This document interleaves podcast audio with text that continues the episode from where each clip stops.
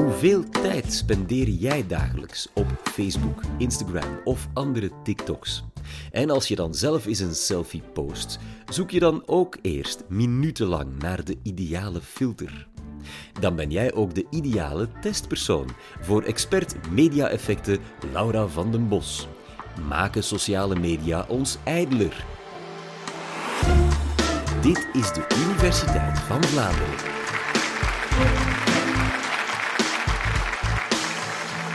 Op weg naar de lezing vandaag heb ik de trein genomen. Naast mij zaten twee tienermeisjes met oordopjes in hun oren te kijken naar Emily in Paris. In deze serie vraagt het ene topmodel na het andere om de hand van de knappe Emily. De meisjes pauzeerden even om een selfie te nemen in een tussenstation. Na het toepassen van een filter die hun ogen mooi deed uitkomen, hebben de meisjes de foto opgeladen op Instagram. Waarschijnlijk heeft de selfie nu al wel meer dan 100 likes. En indien niet, zullen ze deze waarschijnlijk al opnieuw offline hebben gehaald. Want minder dan 100 likes is natuurlijk wel een vernedering. Of niet? Je hoort wel eens dat dergelijke triviale zorgen rond hoeveel mensen je selfie mooi vinden, kunnen worden gelinkt aan de media die ze gebruiken. Maken Netflix en Instagram ons dus meer ijdel? En wat is nu net ijdelheid of een overdreven focus op je lichaam? Een focus op je lichaam behoort net als zorgen over te pluizig haar, een te donkere huid of een te bleke huid tot het mentale beeld dat we hebben over ons lichaam. Dat beeld neemt best wel wat tijd in beslag bij de meeste mensen en in het bijzonder bij jongeren. Zo zien we in een onderzoek dat ongeveer de helft van de meisjes regelmatig nadenkt over hoe dat ze eruit zien. Acht op de tien jongens gaven aan te gaan sporten om er beter uit te zien. Bovendien spenderen meisjes best wel wat tijd aan make-up en hun haar te stijlen. En daar is op zich niks mis mee. Want bezig zijn met je uiterlijk betekent niet automatisch dat je ook ongelukkig bent. Maar toch.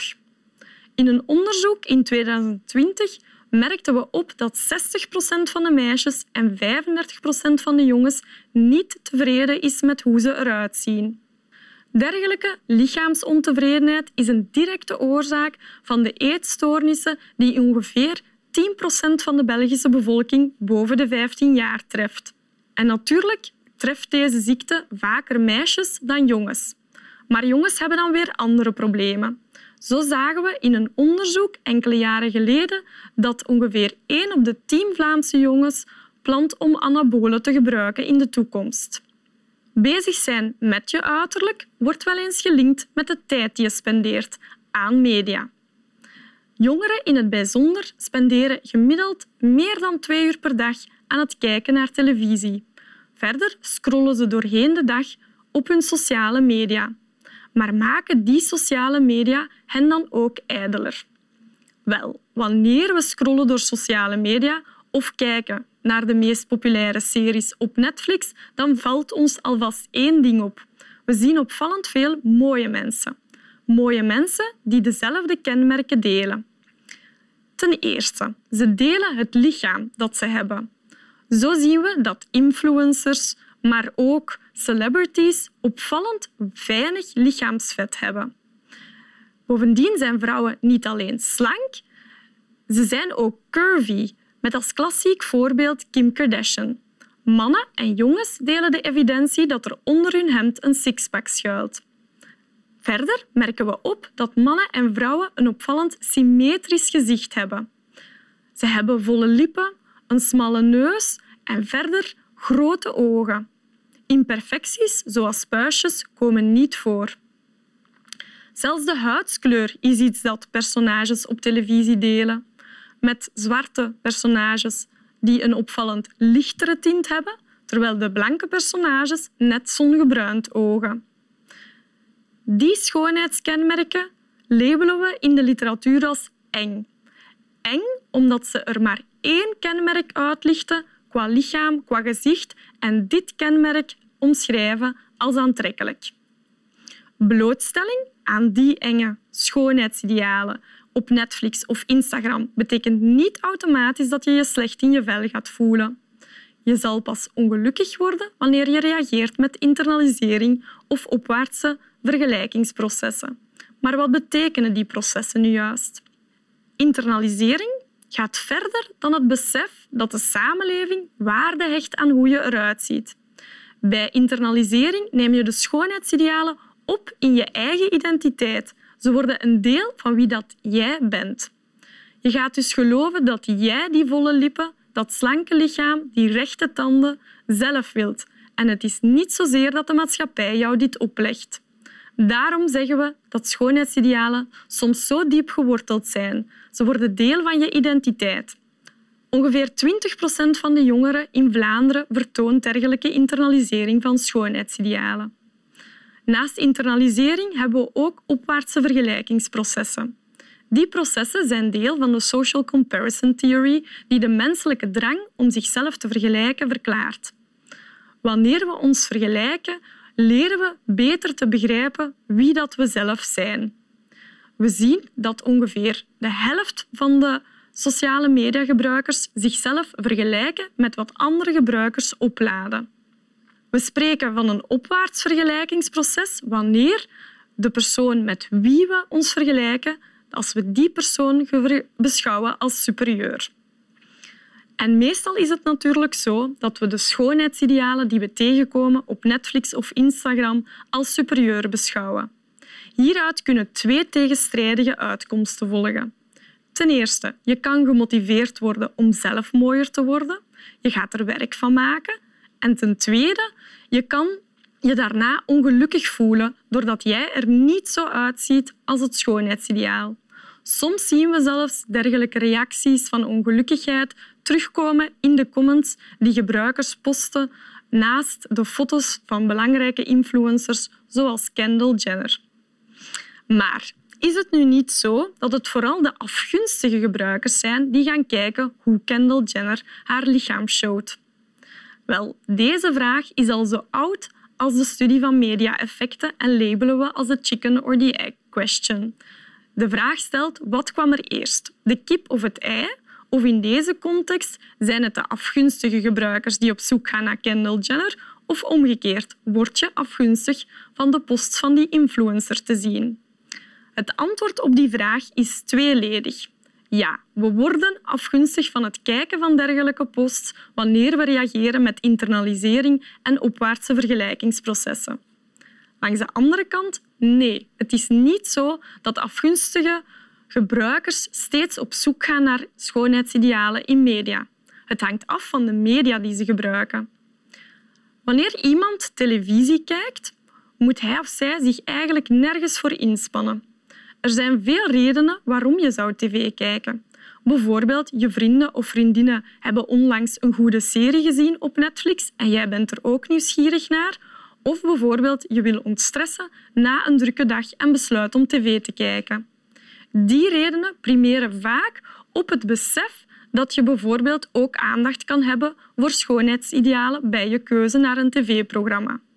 Meer zelfs, één studie suggereert zelfs dat wanneer je echt sterk gefocust bent op je uiterlijk, je series met perfecte mensen gaat vermijden omdat ze te confronterend zijn. Dit is anders wanneer we kijken naar sociale media. Hier kan je zelf uiterlijk gerichte content opladen of opzoeken. Je kan zelf bewerkte selfies posten of je kan zelf uiterlijk gerichte gesprekken aangaan. En we zien ook dat dit gebeurt door de gebruikers die het meest gefocust zijn op hun uiterlijk. Maar nu zie ik je al denken, is dit niet vooral een probleem van meisjes en niet zozeer van jongens? Je zou ja kunnen zeggen, want het zijn vooral meisjes die in traditionele genderrollen er worden op aangesproken om hun uiterlijk uit te spelen om jongens aan te trekken. Jongens worden eerder gewezen op het uitspelen van hun status. Meer zelfs. Op sociale media en op televisie kom je vaker aantrekkelijke meisjes tegen dan jongens. Maar je kan ook nee zeggen, want jongens kampen met andere problemen. Waar meisjes worstelen met slankheid, volgen sommige jongens een dieet van zeven maaltijden per dag om in de fitness hun spiermassa te laten toenemen. Bovendien merken wij, net als andere onderzoekers, op dat wanneer dat we jongens en mannen meenemen in ons onderzoek, dat ook zij negatief beïnvloed worden door Netflix en Instagram. Dus worden we meer ijdel door Netflix en Instagram? Ja, en zowel jongens als meisjes wanneer ze reageren met internalisering en opwaartse vergelijkingsprocessen. De vraag volgt dan natuurlijk, wat kunnen we hiertegen doen? Er wordt in het domein gekeken naar twee manieren hoe we dit probleem kunnen oplossen. Of je gaat de media veranderen, dit noemt men een top-down benadering, of je gaat de gebruikers veranderen. Dit omschrijven we als een bottom-up benadering. Doorgaans kijken we in het veld naar deze laatste oplossing, omdat er zo weinig controle is op sociale media en streamingbedrijven af en toe zie je wel dat die sociale mediabedrijven een kleine toegeving doen door bijvoorbeeld een melding te plaatsen wanneer je een filter oplaadt, maar vaak te weinig en niet radicaal genoeg om echt van een oplossing te kunnen spreken.